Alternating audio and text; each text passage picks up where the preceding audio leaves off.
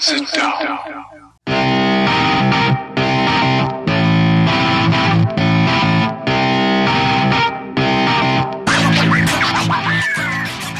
Witam wszystkich i każdego z osobna. Ja jestem Robert Kochan, a to jest Kochana NBA, najbardziej nieobiektywny podcast o najlepszej koszykarskiej lidze świata. To już 42 odcinek, a razem ze mną jak zwykle jest tutaj Wiaro. Siema Wiaro, jak tam przetrwałeś dzisiejszy grad? Siema Robert, cześć wszystkim. E, no, mieliśmy tutaj małe zamieszanie w Krakowie, to fakt. A u mnie akurat było w miarę spokojnie. E, może lekka rzeka popłynęła ulicą przez chwilę, ale to wszystko. U mnie w pracy wydawało się, że, że porozwala po prostu ten grad okna dachowe. No, powiem ci szczerze, wielkość e, wiśni, mniej więcej kulki, więc Uf. srogie pranie i, i, i dobrze dudniło. Ciężko bardzo się było skoncentrować na pracy. No to, to, to nie, to u mnie zdecydowanie słabiej. Ja się chyba załapałem na jakieś obrzeża tej burzy. Całe szczęście dla ciebie. E, natomiast wiesz, kto się załapał na oko cyklonu? Wygląda na to, że Milwaukee Bucks, bo po dwóch pierwszych meczach finałowych przegrywają 2-0. Jak ci się to wszystko podoba? Co, co do tej pory oglądamy? No wiesz co, yy, może tak, je, jest kilka zaskoczeń, mimo że to wszystko docelowo jest tak, jak ja sobie to wyobrażałem, to to mimo to jest kilka rzeczy, na które na pewno trzeba zwrócić uwagę. E, najpierwsza, chyba najważniejsza rzecz, e, o której ja, która mnie najbardziej dziwi w całej tej serii, to jest Janis i to, jakim cudem ten chłop biega i gra i jest tak sprawny i w ogóle nie widać po nim, żeby cokolwiek z nim było nie tak. A jeszcze przed chwilą miał kolano wywinięte w drugą stronę. No dla mnie to jest po prostu niewyobrażalne, że ten gość wrócił tak szybko, wrócił na game 1 już e, e, i już od pierwszego meczu pokazuje klasę. Fakt, że w pierwszym hmm. może nie błyszczał jakoś, jakoś super, no ale mimo wszystko 17 bodaj zbiórek, to, to jednak robi wrażenie. No a w drugim meczu, no to już był bestią, tak? Pozwól, że ci przerwę na chwilkę. Y, zostajmy może na razie przy tym meczu numer jeden, może od niego rozpocznijmy i potem, potem pogadamy o tym drugim, no nie? A pewnie. E, ty, ty, ty wspomniałeś właśnie o, o Janisie. Y, no chyba nikt się nie spodziewał, że Janis tak szybko wróci do gry. Rzeczywiście to kolano powiem Ci szczerze, że zastanawiam się, czy gdyby była taka petycja do NBA, która zakazywałaby pokazywania kontuzji na żywo, to nie wiem, czy bym się pod nią podpisał, bo naprawdę niektórych rzeczy no nie chciałbym zobaczyć po raz drugi. Między innymi to, to wygięcie właśnie kolana Janisa w drugą stronę należy do takich obrazów. No a Janis, jak cyborg, po prostu poskładał się w moment i, i, gotowy, tak jak już właśnie wspomniałeś, od tego meczu numer jeden. No i rzeczywiście ten mecz nie był jakoś szczególnie rewelacyjny, nie? No nie był, no Janis też, no widać było, że jednak no, no, nie jest w pełni sił, tak, no zresztą w ogóle to, że on jest na boisku to jest cud jakiś, nie, już wymagać od niego tego, żeby jeszcze był na, na no, dawał z siebie 100%, on i tak daje z siebie 100%, ale był na 100% swoich możliwości, w pełni, w pełni formy, w pełni zdrowia, no to, to, to trochę za dużo od niego wymagać jednak po czymś takim, Samo to, że był na boisku, że grał e, tak naprawdę ponad 30 minut, e, no to jest, to jest duży wyczyn, moim zdaniem. No i, no i jednak pokazał się z, jako jeden z powiedzmy jaśniejszych punktów tej drużyny w meczu numer jeden. 20 punktów wprawdzie może nie robi jakiegoś ogromnego wrażenia, no ale już jak dodasz 17 zbiórek do tego i weźmiesz pod uwagę, że ten zawodnik jeszcze parę dni temu miał kolano wygięte w drugą stronę, no to to już naprawdę robi ogromne wrażenie. To na pewno robi ogromne wrażenie tak w ogóle, gdyby spojrzeć na te numery obiektywnie. Natomiast jeżeli e, zobaczyłbyś takie numery i obok zobaczysz imię i nazwisko Janisa Antetokounmpo, no to jednak wiesz, że, że możesz spodziewać się więcej, nie? Natomiast no wiadomo, ta kontuzja pewnie miała ogromny wpływ na to, jak, jak on się czuł i jak pewnie ciągle się czuje jeszcze w tej serii, nie? Nie no, tutaj 100% racji. Oczywiście 2017 to są numery, o których nie jeden zawodnik by mógł pewnie pomarzyć i bardzo chciałby coś takiego robić, już szczególnie w finałach NBA. E, no, no, wiadomo, tutaj bierzemy wszystko przez pryzmat jednak tego, jaki potencjał ma Janis i, i, czego można się spodziewać po tym zawodniku. E, no i to zresztą pokazał już w meczu numer dwa, do którego pewnie zaraz przejdziemy. E, natomiast tak, no pytasz mnie, jak się, jak się ogólnie czuję z tą sytuacją, w której Milwaukee się teraz znalazło. Ja się tego spodziewałem, że tak będzie, natomiast nie spodziewałem się, że to się odbędzie w takim stylu. Ja myślałem, że Janis nie zagra przez te dwa pierwsze mecze. Byłem święcie przekonany o tym, że nawet jeżeli będzie zdolny do tego, żeby wejść na boisko, to jednak e, każą mu odpoczywać, tym bardziej, że to są dwa mecze na wyjeździe, więc teoretycznie, biorąc pod uwagę te słynne maksymy playoffowe pokroju, że, że mecz zaczyna się dopiero jak jakaś drużyna urwie mecz na wyjeździe, no to tak naprawdę nic się nie dzieje, tak? Teraz wystarczy zagrać dwa dobre mecze u siebie, obronić home court, tak samo jak zrobiło to Phoenix, no i doprowadza się tak naprawdę do serii, gdzie, gdzie gramy do dwóch zwycięstw, to już jest wtedy seria po prostu prostu trzech meczy, skraca się te, te jakby playoffy, format meczowy w playoffach. No i cóż, no i, no i to jest jakby ścieżka, którą ja myślałem, jakby ja wróżyłem tutaj Milwaukee, że, że, że, że właśnie tak się to skończy, natomiast kompletnie właśnie nie spodziewałem się, że to będzie tak wyglądało. No, mecz numer jeden może nie zaskoczył mnie tak strasznie, pomijając właśnie to, że, że Janis w tym meczu zagrał i zagrał na takim poziomie, natomiast już mecz numer dwa był dla mnie bardzo dużym zaskoczeniem, no ale zanim może przejdziemy do tego meczu numer dwa, to jeszcze chętnie posłucham, co, jak, jak tobie się podoba w ogóle cała ta seria i co ty myślisz o pierwszym meczu? E, mnie się ta seria, powiem Ci, bardzo podoba, póki co, e, chociaż no jest jednak trochę jednostronna.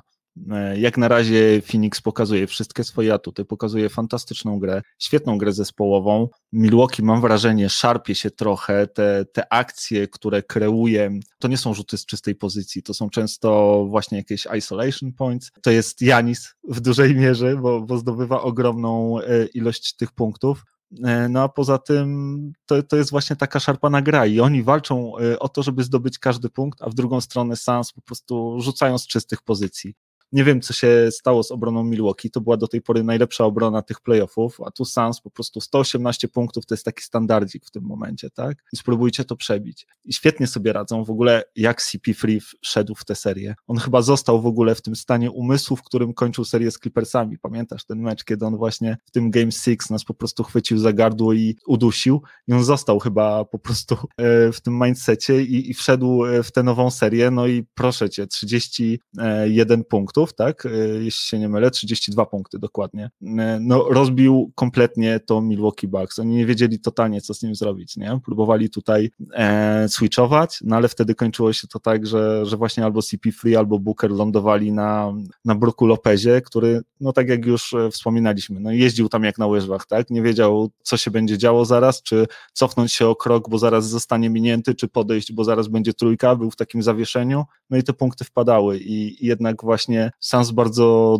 dobrze pokazali, jak świetną są drużyną, jeżeli chodzi o e, granie pick and rolli. E, co ciekawe, to jest e, też to na pewno, że tutaj była cała seria debiutów, nie? Praktycznie wszyscy gracze obu drużyn, oprócz Jay Crowdera, który już sześć razy zagrał w finałach, debiutowali w tych finałach. Więc bardzo dużo też jest takich ciekawych statystyk, jeżeli chodzi właśnie y, o te debiuty, zwłaszcza, że y, Suns świetnie sobie w tym meczu numer jeden poradzili. I tutaj na przykład jedną y, z tego typu statystyk to jest to, że 81 punktów właśnie tego trio CP3, Booker i DeAndre Ayton to 81 punktów, które zdobyli, to jest e, najwięcej e, w debiucie przez, przez trio zdobytych punktów od lat 70., od 76-77 roku, tak?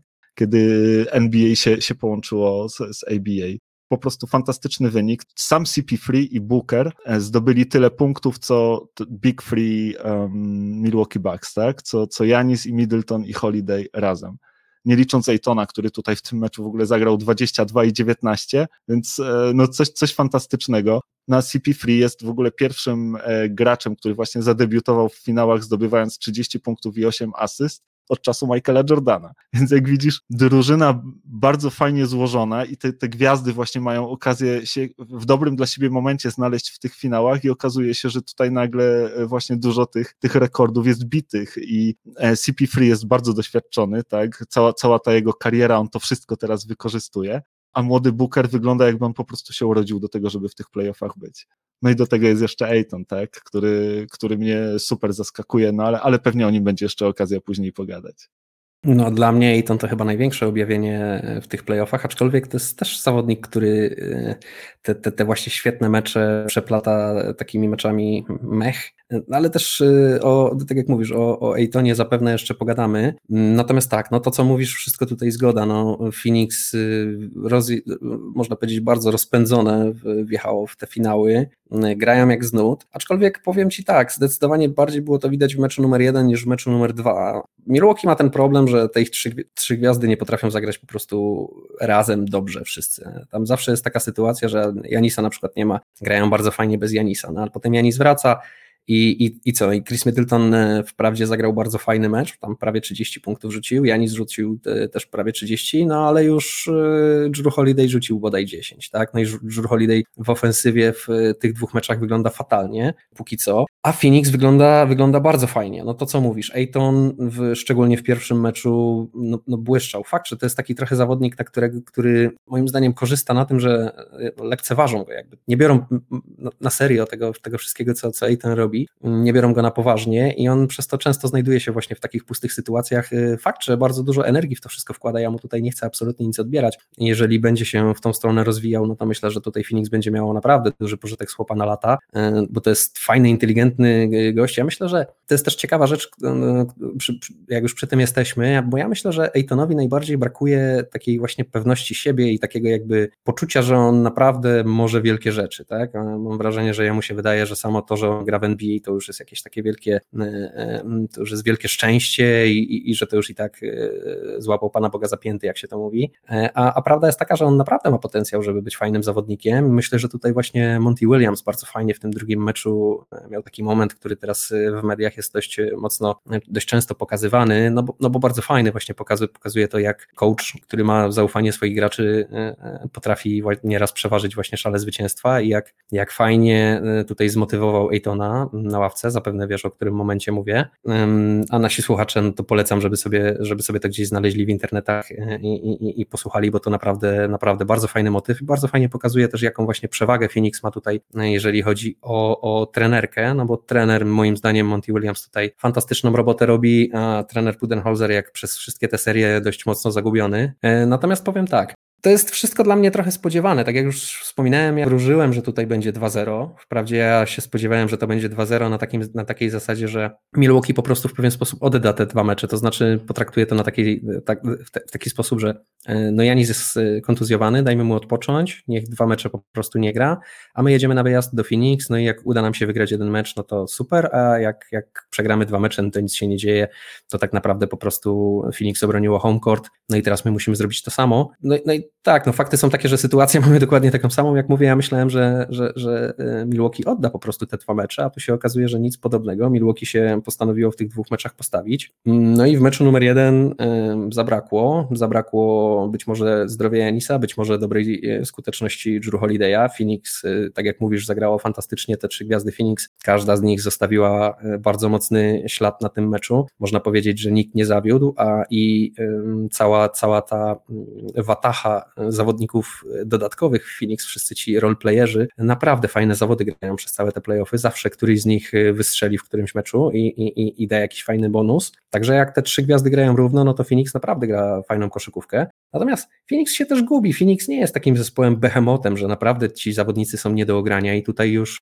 w drugim meczu było to widać moim zdaniem jak na widelcu mm, i tutaj już Milwaukee grało jak równy z równym. To był mm, zdecydowanie to już nie były bęcki, taki, nawet jeżeli wynik w pewien sposób na to wskazuje, to no szczególnie końcówka, no tam się wręcz prosiło Phoenix o to, żeby, żeby ich dojechać i żeby ten mecz wygrać. No ale jeżeli twoi właśnie dwaj poz najważniejsi pozostali zawodnicy poz poza twoją największą gwiazdą zespołu rzucają na skuteczności 30%, e, no to, to nic dobrego z tego nie wynika. No i e, historyczna noc Janisa zmarnowana. Jak ty to widzisz? No wiesz co, ja tutaj jeszcze chciałem wrócić trochę e, do tego meczu numer jeden, jeśli pozwolisz, bo e, oczywiście Janis zagrał fantastyczne zawody, godne dwukrotnego MVP. Natomiast chciałem się jeszcze jakby odnieść do tego, co, co, co wcześniej powiedziałeś, tak e, chwaliłeś to Phoenix, właśnie wspominając o tej ich wielkiej trójce i że oni akurat potrafią gdzieś tam się pokazać dużo, dużo lepiej niż ich przeciwnicy z, z Bucks. Natomiast mnie grą imponuje całe Phoenix, tak? Ci roleplayerzy, którzy się potrafią świetnie właśnie w swoich rolach sprawdzać i przede wszystkim to, z jaką inteligencją gra ta drużyna. Ona naprawdę potrafi wykorzystywać wszystkie swoje mocne strony. Tam piłeczka krąży jak po sznurku.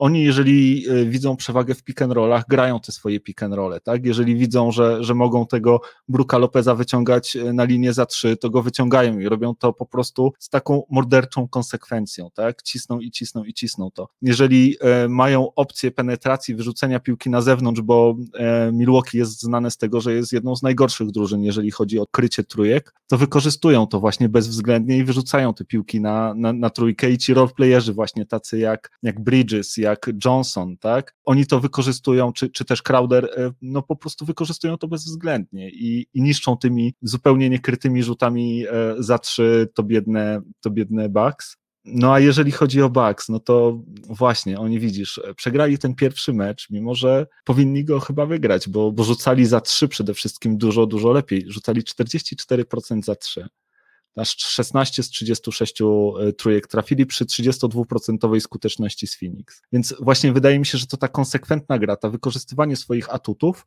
zrównoważyły jakby tę przewagę e, Bucks w tym meczu, jeżeli chodzi właśnie o rzucanie za trzy, a to, co zdecydowało i co wygrało tak naprawdę moim zdaniem Phoenix ten mecz, to były rzuty wolne bo Suns w tym meczu rzucali całą drużyną 96% z wolnych, 25 z 26 trafili. Na 26 rzutów pomylili się tylko raz i kto się pomylił?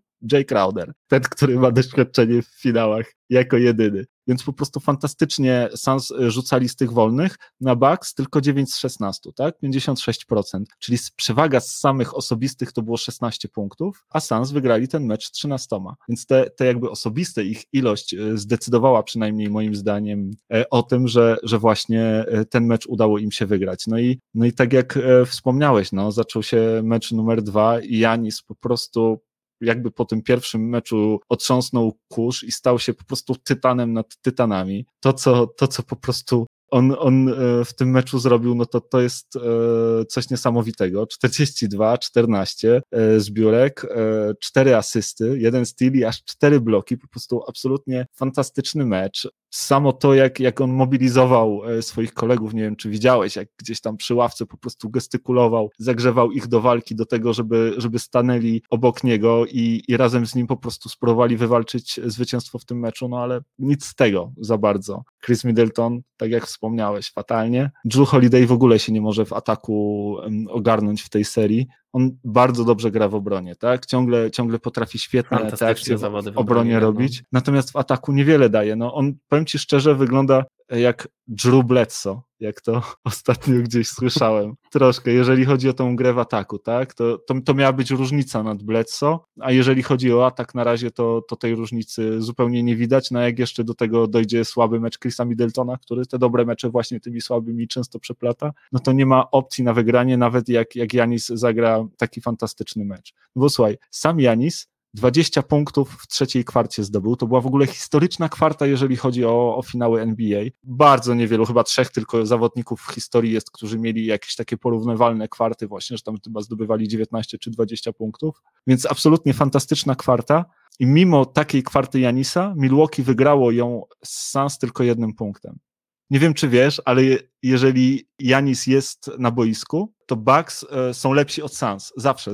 I w pierwszym, i w drugim meczu Janis jest na plusie jakby, razem ze swoją drużyną, kiedy jest, tak? Natomiast kiedy zejdzie, to po prostu zaczyna się trwonienie i ta przewaga nagle czasami spada o, o, o kilkanaście punktów, nie? Więc e, no jakby obecność Janisa na parkiecie jest, jest chyba tutaj e, niezbędna w tej serii, no ale widać, że mu trochę to kolano jednak dokucza. Tak mam wrażenie, że on się czasami za nie łapie, że spogląda w jego stronę, że to nie jest, że on się nie czuje do końca taki zdrowy. Wiadomo, to jest Heros, to jest Tytan. On tutaj jakby nie zamierza złożyć broni, on na pewno będzie walczył do samego końca, tak? To jest Janis. No ale nie wygląda jednak na, na, na absolutnie zdrowego, no nie?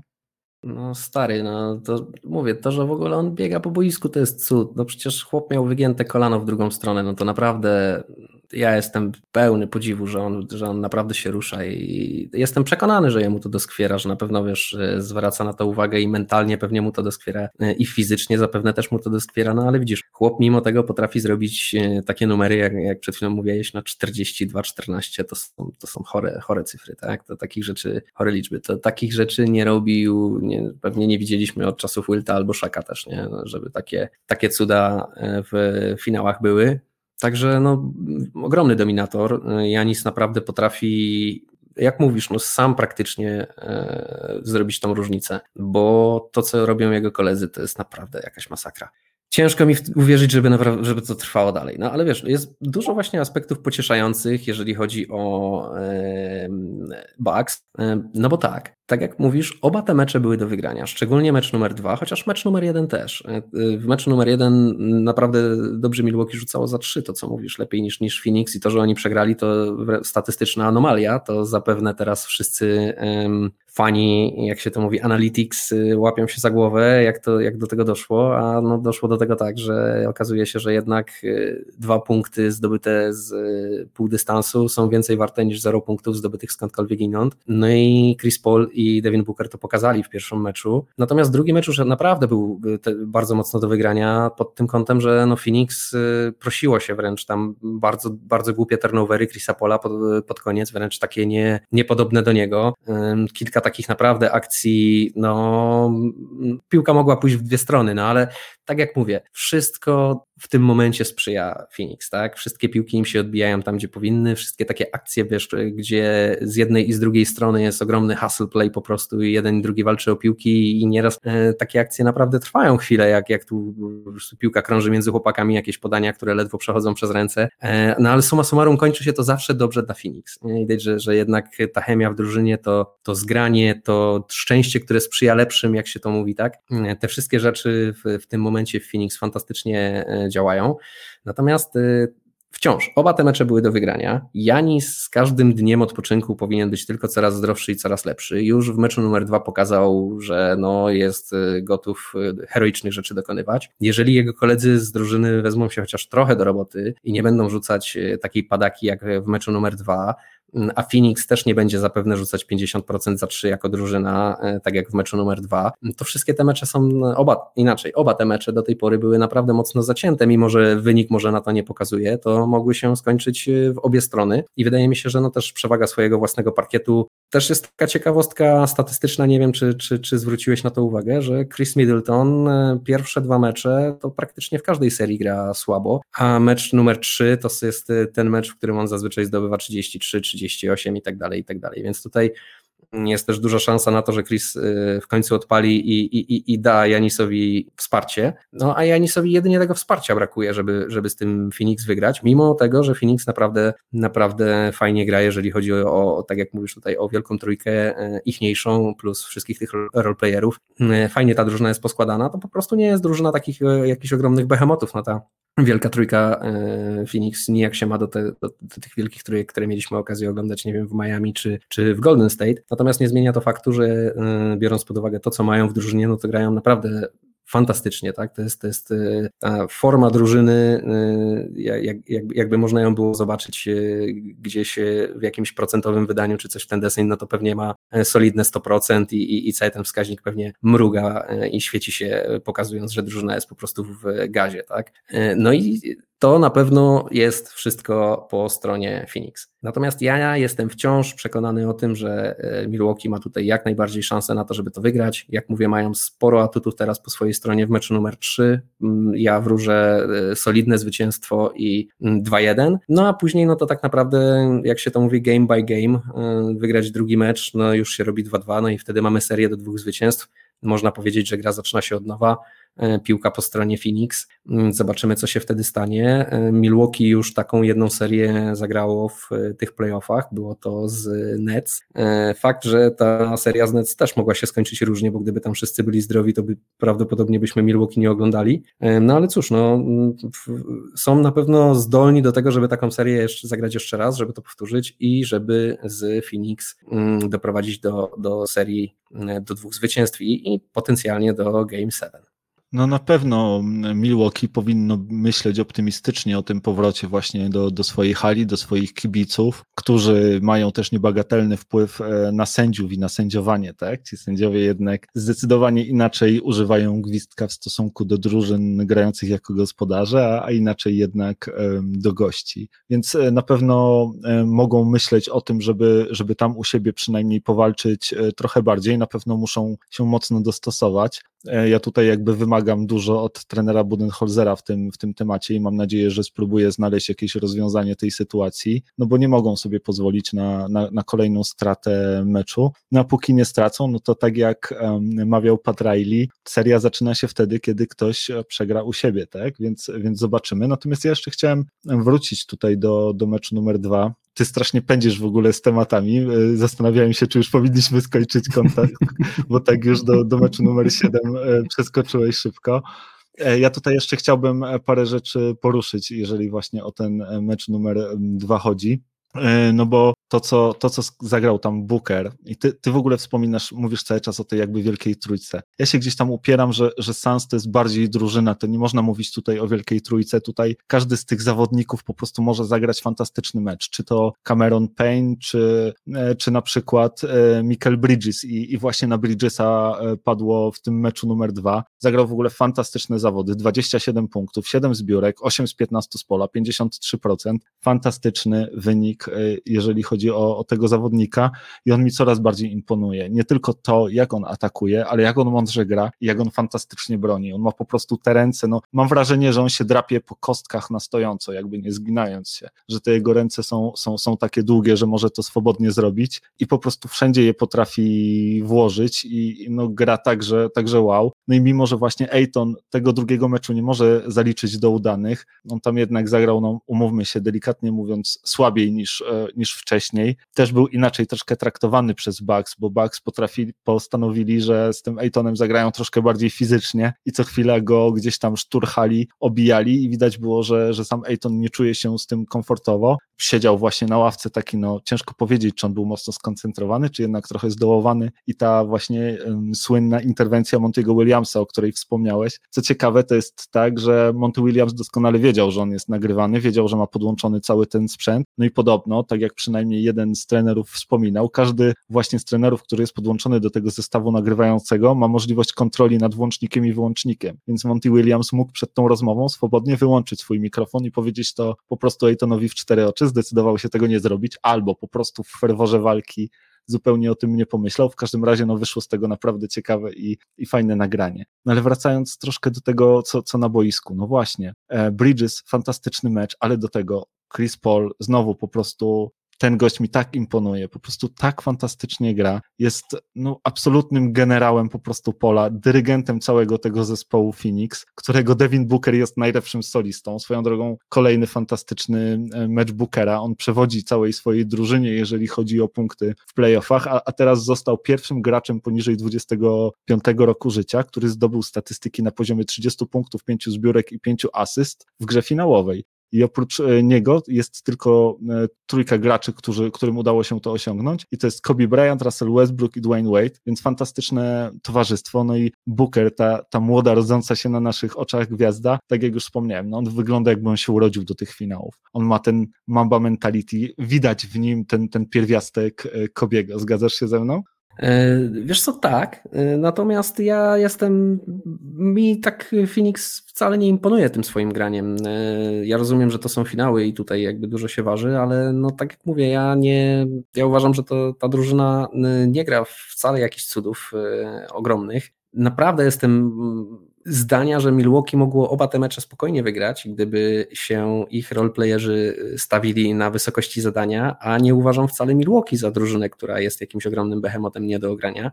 Jednak wydaje mi się, że to, co wyczynia Janis w tych playoffach, y, i, znaczy w tych finałach, mm, zdecydowanie y, przyćmiewa jakby to, co, to, co, to, co robi Booker. Natomiast no, drużyna Bookera wygrywa i, i dlatego też wiesz, no, wygrywanie sprawia, że, że spadają na ciebie wszystkie te laury, a mm, no, umówmy się, też mamy taki sezon, w którym rekordy padają jakby nie było przez cały sezon regularnie i w finałach nie jest inaczej. Też tych rekordów y, i to po obu stronach już y, namnożyłeś y, nam tutaj w, nawet w naszym dzisiejszym odcinku, także mamy jakby nie było sezon bicia rekordów najróżniejszych w NBA. No i zawsze pod kątem statystycznym gdzieś się to wszystko tam E, sprawdza. Natomiast, e, tak jak mówię, no Phoenix wszystko im po prostu siedzi. No tak to fajnie wygląda, jak czy to są trudne rzuty, czy nie, czy to jest ładnie sklecona akcja, czy to jest przypadkowa piłka, która odbiła się po prostu do kogoś po kilku innych y, turbulencjach. Y, wszystko to y, składa się na, na, na stronę Phoenix i to tak naprawdę robi różnicę, bo mm, tak jak wspomniałeś i tak jak ja też wspomniałem, nie, nie ma jakiejś przepaści pomiędzy tymi drużynami w tych meczach. Są to wyrównane mecze i tak naprawdę mm, dopiero w, w tym garbage time te prawdziwe gdzieś tam przewagi się tworzą po, po 12-15 punktów. Tak zazwyczaj to jednak e, cały czas gdzieś tutaj jest e, walka o, o, o to, kto, kto będzie z przodu, aczkolwiek trzeba przyznać, że raczej Phoenix się e, tutaj zazwyczaj trzyma na prowadzeniu. No jak mówię, ja wcale nie, nie jestem pod takim ogromnym wrażeniem tego, co tutaj się dzieje, natomiast to, co mówisz a propos Bookera, to myślę, że Kobe Bryant już to wiedział, kiedy mówił Bookerowi Be Legendary parę lat temu. I myślę, że końcu jakby się doczekaliśmy Bookera w playoffach, w końcu możemy to oglądać, ale y, ja i ty mówiliśmy o tym mm, już od dawna, że to jest taki zawodnik, który tylko na to czeka, tak samo jak y, o Damie Lillardzie. To są tacy goście, których to po prostu widać. No, widać, widać jakąś taką mentalną chęć zdominowania przeciwnika i, i zrobienia wszystkiego, co, co w twojej mocy, żeby, żeby wyszarpać to zwycięstwo i kompletnego nieprzejmowania się tym, ile osób cię ogląda i jak duża to jest scena, na której akurat występujesz. Mm, tylko umiejętność właśnie właśnie skupienia się po prostu na tym, że to jest tu i teraz i to jest e, gra w koszykówkę, w której to ja jestem lepszy i to ja ten mecz wygram. No i bez dwóch zdań Booker taką mentalność ma, no to, tutaj pod tym kątem na pewno e, no, ogromny szacunek dla gościa. E, natomiast wiesz, przed takimi ogromnymi jakimiś zachwaleniami, to, to, ja się jeszcze wstrzymam. Tak jak mówię, dla mnie gra jest jeszcze otwarta, to dopiero dwa mecze i nie widzę tutaj, żeby którakolwiek z tych drużyn pokazywała, że jest e, o, o, o stopień czy o dwa lepsza od tej drugiej drużyny. Wydaje mi się, że będziemy jeszcze mieli bardzo wyrównaną serię i tak jak teraz y, mówimy w samych superlatywach o, o, o Phoenix i mamy tendencję czy też może, może nie my, ale media na pewno mają tendencję do tego, żeby przerysowywać trochę ten obraz na, na stronę Phoenix, tak zapewne po dwóch kolejnych meczach będzie to przerysowane w stronę Bucks i, i będziemy taką, takie, tak, takie wielkie wahadło mieli, a tak naprawdę to są bardzo wyrównane drużyny, no, no, każdy z tych meczy to jest e, jak dla mnie po prostu coin flip. No, może się skończyć zwycięstwem Phoenix, może się skończyć zwycięstwem Bucks. E, zależy kto z tych właśnie e, podstawowych zawodników, tych, tych, tych powiedzmy trzech gwiazd, bo ja się jednak będę upierał przy tym, że mimo, że Phoenix to jest faktycznie drużyna, w której ci roleplayerzy stanowią duże wsparcie, to jednak myślę, że oczekiwania wobec Aytona są, są jednak dość wysokie. Myślę, że nie tylko jego oczekiwania wobec jego samego, ale też oczekiwania jego kolegów z drużyny czy, czy coacha jednak y, to jest pierwszy pik z draftu i wymaga się od no tak mi się przynajmniej wydaje, że, że, że, wymaga się od niego tam e, trochę więcej, a, a przynajmniej liczy się na to, że da ci trochę więcej e, niż w tym ostatnim meczu choćby. Mm, także jednak ja, ja, ja tutaj widzę tą wielką trójkę w Phoenix. Mm, no i myślę, że to jednak bardzo dużo zależy od tych wielkich trójek. No ja dopóki CP3 yy, Booker i Ayton będą grali lepiej niż Chris Middleton, Drew Holiday i Janis Antetokounmpo, no to, to, to, to Phoenix będzie wygrywać. A jeżeli w tej wielkiej trójce w Milwaukee tak naprawdę daje ci jakieś sensowne, sensowną produkcję tylko Janis, no, no, no to ciężko oczekiwać tego, żeby wygrywali. Także jak dla mnie wciąż gra tutaj jest mega otwarta. No na pewno, zwłaszcza, że w tej serii jeszcze Chris Paul nie był kontuzjowany, on to tak lubi sobie e, kontuzjować się e, czasami i, i nawet czasami mm, w, już w tych meczach zadrżało mi serce po tym, jak on tam gdzieś lądował chyba na nodze Janisa i też ta kostka mu się trochę wygięła. Pomyślałem, oho, na szczęście wstał i, i okazało się, że, że nic strasznego się nie stało.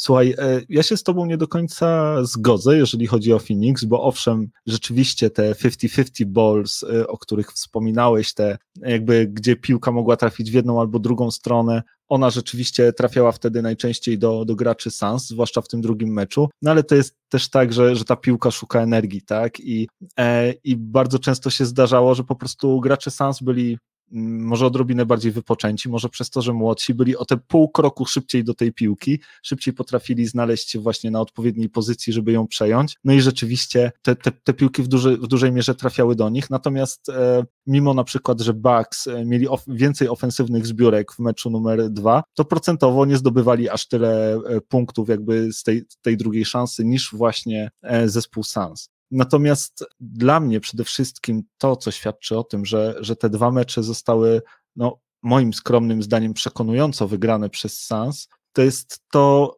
jak po prostu wyglądała ta gra, jak wyglądały punkty Bucks versus jak wyglądały punkty Suns. I gracze Phoenix po prostu rzucali te trójki z czystych pozycji. To były wjazdy pod kosz, wzdłuż linii, które ściągały na siebie oczy dwóch, trzech zawodników, podanie po linii na linię za trzy, i, i stamtąd po prostu mani. I bang, bang, z jednej i z drugiej strony. Po prostu z rogu ich absolutnie rozstrzelali. I właśnie mimo to, że, że e, Bucks byli najlepszą drużyną w całym sezonie NBA, jeżeli chodzi o krycie trójek z rogu, to totalnie nie byli sobie w stanie w tym meczu poradzić. I tak jak w pierwszym meczu Suns wygrali ten mecz właśnie rzutami osobistymi, tak jak wspomniałem, tak w drugim wygrali właśnie tymi trójkami z rogu. No, Bucks e, rzucali za 3-9 9 razy trafili na 31 prób, czyli rzucali z 29% skutecznością, a Suns trafili aż 20 z 40, 50% za 3. Po prostu siedziało to absolutnie, no ale też jaka ilość oddanych tych rzutów, tak? I rozstrzelali, rozstrzelali Bucks, którzy nie byli sobie w stanie zupełnie z tym poradzić. No jak właśnie do tego jeszcze doszedł słaby mecz Chrisa Middletona, no to oni totalnie, totalnie nie mogli nic z tym zrobić. I tak jak ci mówiłem, że klucze do tej serii e, ma Milwaukee, tak wydaje mi się, że teraz te klucze po prostu Sans ukradło. Że oni wpadli do szatni, zobaczyli, gdzie te klucze są, po prostu wzięli je i, i teraz one należą do nich. I zobaczymy, bo no, wierzę w Milwaukee ciągle, ale mam coraz więcej obaw. A czego się obawiam? Tego, że Budenholzer po prostu nie znajdzie rady. Że po drugiej stronie jest właśnie ten Monty Williams, który jest absolutnie zżyty swo ze swoją drużyną, który no, czuje tych zawodników i razem z nimi cieszy, razem z nimi, razem z nimi się cieszy, razem z nimi płacze i razem z nimi przeżywa po prostu każdy moment i podnosi ich jeszcze do góry. A po drugiej stronie jest ten konserwatysta Budenholzer, który jest niechętny do wprowadzania zmian, który nie wie do końca, co zrobić z Brookiem Lopezem. Czy Brook Lopez powinien grać 10 minut więcej, czy powinien grać 10 minut mniej? Jak w ogóle sobie z nim poradzić. W pierwszym meczu Bucks switchowali wszystko, w drugim meczu switchowali tylko na pozycjach 1-4 i Brook Lopez już nie brał udziału w switchowaniu. No i właśnie, zostało miejsce na trójki. I Suns szukają tych swoich małych przewag. Jeżeli oni widzą, że mogą wykorzystywać te pick and roll, to je wykorzystują. Jeżeli widzą, że mają opcję otwartych trójek, to wykorzystują te otwarte trójki. Nie boją się atakować kosz po to, żeby zgarniać te, te rzuty wolne, zwłaszcza kiedy grają u siebie. To oni wyglądają jak bardziej doświadczona drużyna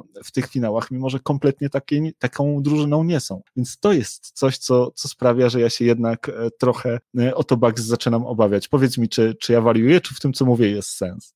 Wiesz co, no mówisz fakty, natomiast pomimo tego wszystkiego, co powiedziałeś, to wynik jest taki, że mamy czwartą kwartę, 6 minut do końca i Phoenix prowadzi pięcioma punktami.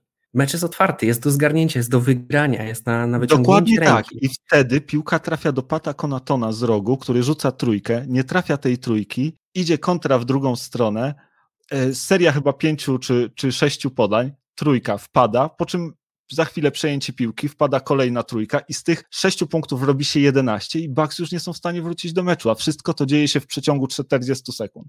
No dobrze, no ale z drugiej strony możesz na to spojrzeć w ten sposób, że pomimo tych wszystkich braków, pomimo tego, że twoje dwie gwiazdy, pomijając Janisa, rzucają 30% z pola, a 16% za 3, nikt nic nie trafia, nie ma żadnej ładnej gry, nie ma żadnej składnej gry, nie potraficie zrobić żadnej składnej akcji, to mimo wszystko jest czwarta, kwarta, pięć minut do końca, wy przegrywacie tylko pięcioma punktami. I tak naprawdę, gdyby nie to, że naprawdę pudłuję po prostu wszystko w, tych, w tym w, w zawodnicy Bucks, a szczególnie te trójki, po prostu no, nikogo, wiesz, w, w, dookoła ym, świerszcze słychać i takie cegły lecą po prostu, jedna za drugą, że szok. Ale i kurczę, nawet y, Brook Lopez, który potrafi spudłować layup z pół metra sprzed kosza w decydującym e, momencie tak naprawdę, gdzie właśnie e, to, co mówisz, takie nietrafione rzuty, takie właśnie e, masz bardzo dobrą pozycję, powinieneś to wykorzystać, powinny być punkty, ale nie ma, jest z tego zbiórka, jest z tego fast break i są trzy punkty po drugiej stronie, bo Phoenix po prostu siedzi wszystko i znowu siedzi, nie wiem,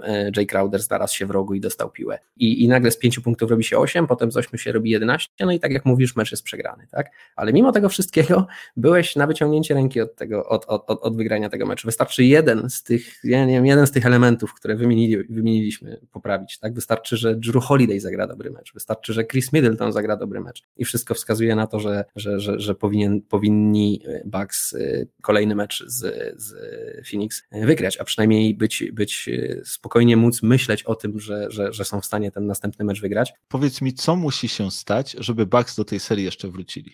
No jak dla mnie to to jest akurat proste pytanie, jakby już można powiedzieć, że odpowiadamy na nie wręcz, no bo to jest Drew Holiday i Chris Middleton, no, no bo Janis musi dostać wsparcie. Ja myślę, że oczywiście żeby nie było, nic z tego, co tutaj wymieniłeś i, i, i o czym ja też wspominałem wcześniej, no, to są same fakty, tak? Tutaj nie ma jakby, mm, ja nie, ja nie mówię, że jest inaczej niż, e, niż to przedstawiasz, natomiast to wszystko wciąż nie prowadzi do tego, że, że, że, że Phoenix ma wygraną w kieszeni, tak? Bo wystarczy, że część z tych rzeczy właśnie się zmieni, I jak najbardziej tutaj e, e, Milwaukee już może myśleć o zwycięstwie. A co przede wszystkim, jak, jak dla mnie powinno się zmienić, to właśnie ci dwaj najważniejsi zawodnicy poza Janisem, którzy w Milwaukee grają. Myślę, że trochę za dużo tutaj dorabiamy jakby takich różnych historii i, i szukamy sobie dziury w całym, gdzie prawda jest taka, że no wystarczyłoby, żeby twoi dwaj zawodnicy, którzy zarabiają bardzo, bardzo solidny hajs w drużynie i są uznawani za filary tej drużyny i gwiazdy tej drużyny, no mogliby dawać trochę więcej z siebie, tak? A przynajmniej w ofensywie ofensywie spodziewałbyś się, że, że pokażą coś więcej. Bo tutaj, żeby też nie było, Drew Holiday, e, tak jak już wspomniałeś na początku, gdzieś w defensywie gra fantastycznie naprawdę utrudnia chłopakom z Phoenix jak może.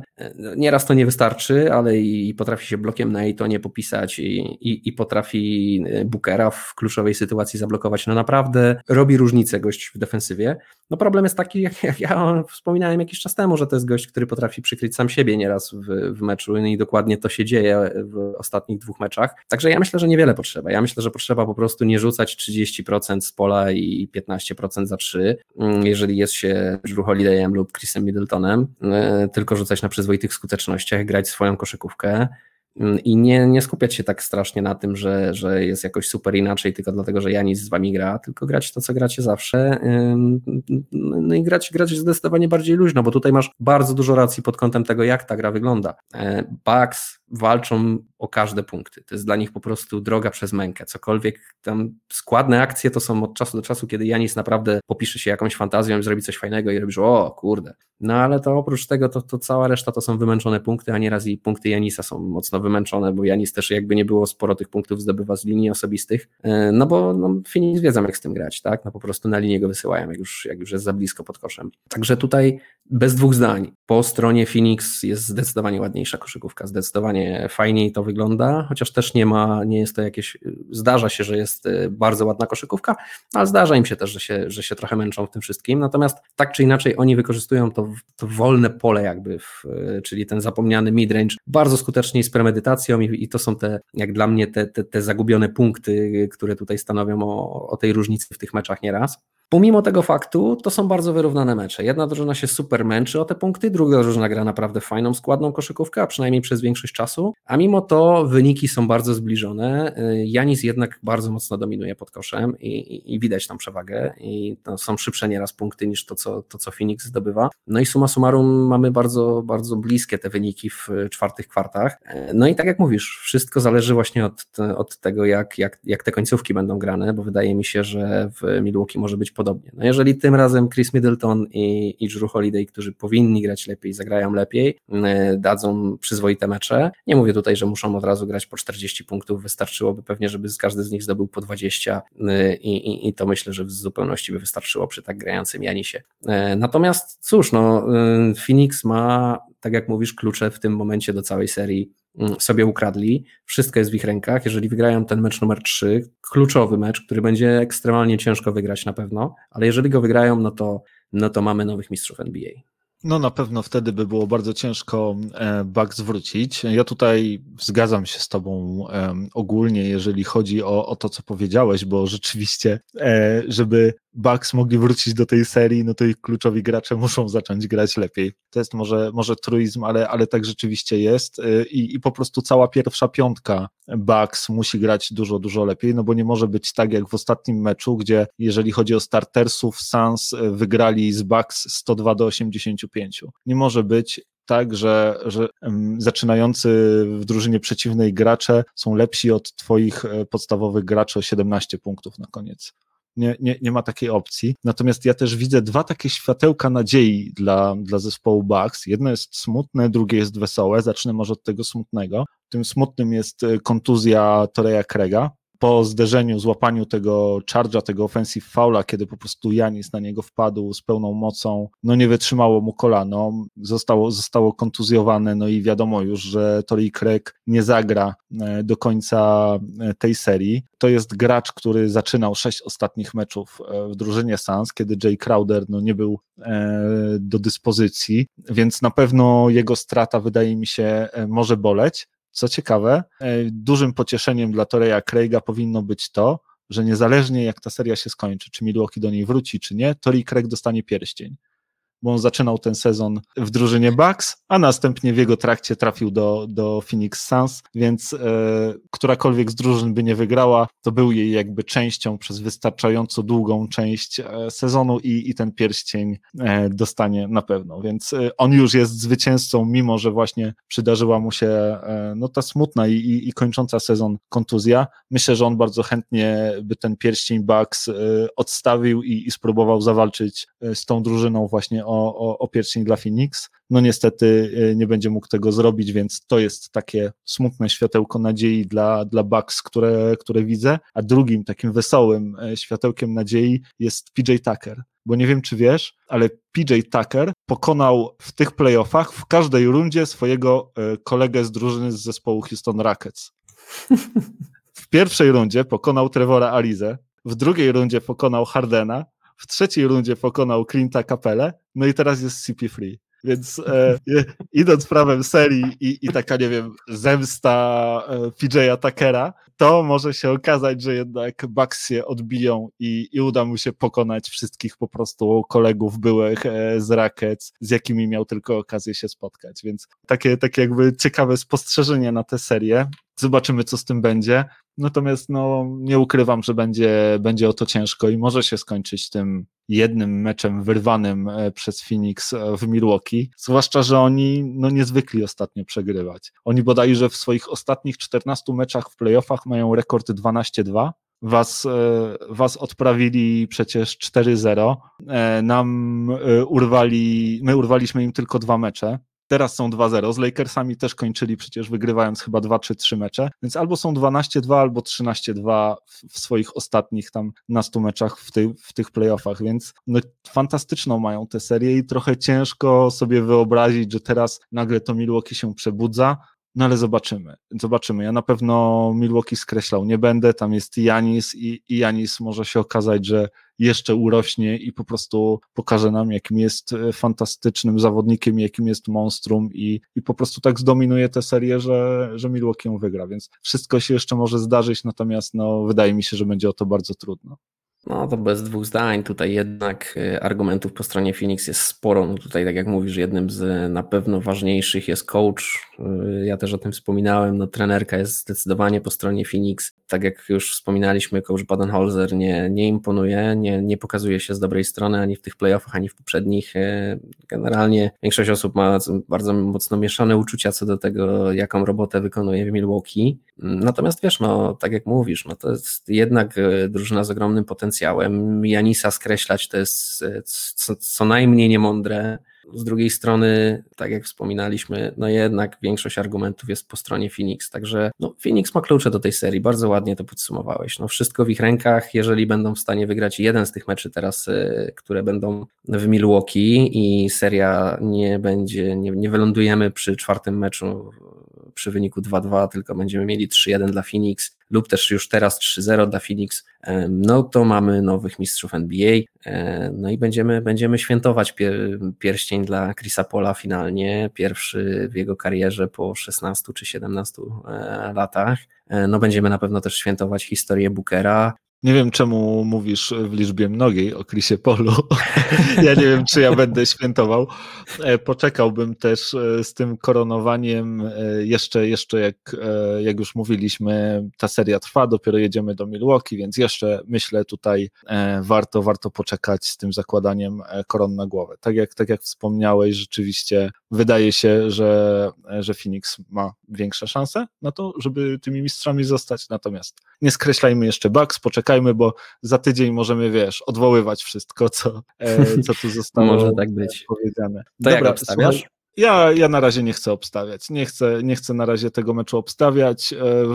Obstawiałem e, Bucks w poprzednim tygodniu, teraz troszkę mi się gdzieś tam przesunęła ta wskazówka w stronę Suns, no ale może się okazać, że właśnie po tych dwóch kolejnych meczach, kiedy Janis e, będzie jakby po kolejnej rozgrzewce, po powrocie, po tym swoim naciągnięciu kolana, no to, to, może, się, to może się okazać, że będzie po prostu jeszcze, jeszcze lepszy, więc nie chcę tutaj e, na razie nic oceniać. E, poczekam i zobaczę na to, e, co Bucks sami pokażą u siebie, no i, i zobaczymy, nie? No, zrozumiałe. No ja się jednak będę trzymał mojego Bucks in Seven. Mm, będę jednak obstawiał, że Janis w siódmym meczu e, pierwsze trofeum w swojej karierze.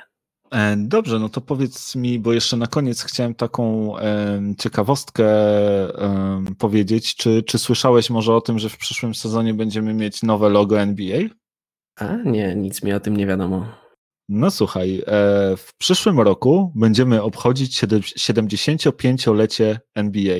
NBA będzie kończyć 75 lat, więc całkiem, całkiem sporo. No i z tej okazji zostało przygotowane takie nowe okolicznościowe logo. E, każdy, kto ma ochotę, to polecam, żeby sobie e, poszukał w internecie ono w kształcie swoim w zasadzie jest bardzo podobne do tego logo, które jest teraz, tylko ta przestrzeń jakby poza Jerem Westem została ułożona w taki brylant jakby, no i to nawiązuje właśnie do tego, że zgodnie przynajmniej gdzieś tam jak z moim researchem i tego, jak to wygląda na przykład przy okazji ślubów, że 75. rocznica jest uważana za rocznicę brylantową. Więc wydaje mi się, że, że do tego właśnie ten brylant nawiązuje. No i z okazji właśnie tego 75-lecia NBA będziemy mieć takie nowe okolicznościowe logo, ale na szczęście tylko jakby pewnie na ten jeden rok i wyłącznie, no podejrzewam, na niektórych e, materiałach jakby graficznych czy też okolicznościowych, tak?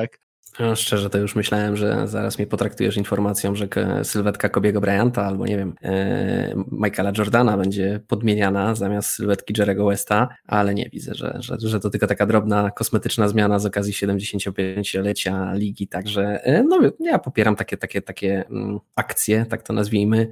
E, fajnie się, NBA się zawsze fajnie promuje, więc tutaj na pewno też znajdzie parę fajnych rzeczy, e, którymi nas potraktuje w przyszłym sezonie, także e, zobaczymy, co nam zaserwują. No ja właśnie też jakby na to czekam, bo bardzo lubię to, w jaki sposób NBA się komunikuje i jak potrafi też celebrować jakby pewne ważne dla siebie momenty. To bardzo często obfituje w dużo fajnych filmików, niektórych zabawnych, innych wzruszających i zawsze jest dużo jakby ciekawego kontentu, który się dzieje w ramach właśnie tego tego typu wydarzeń, więc czekam też na to z niecierpliwością, e, co się będzie działo w ramach tego jakby no, jubileuszowego sezonu 75.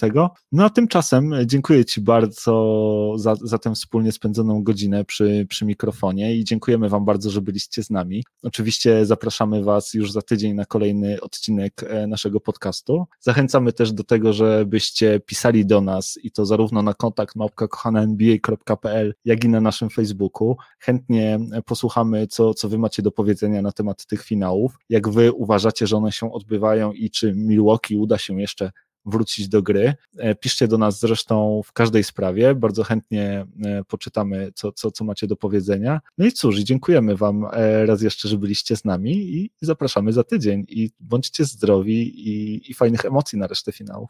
No, nic dodać, nic ująć. Trzymajcie się cieplutko i do usłyszenia za tydzień. Cześć. Cześć.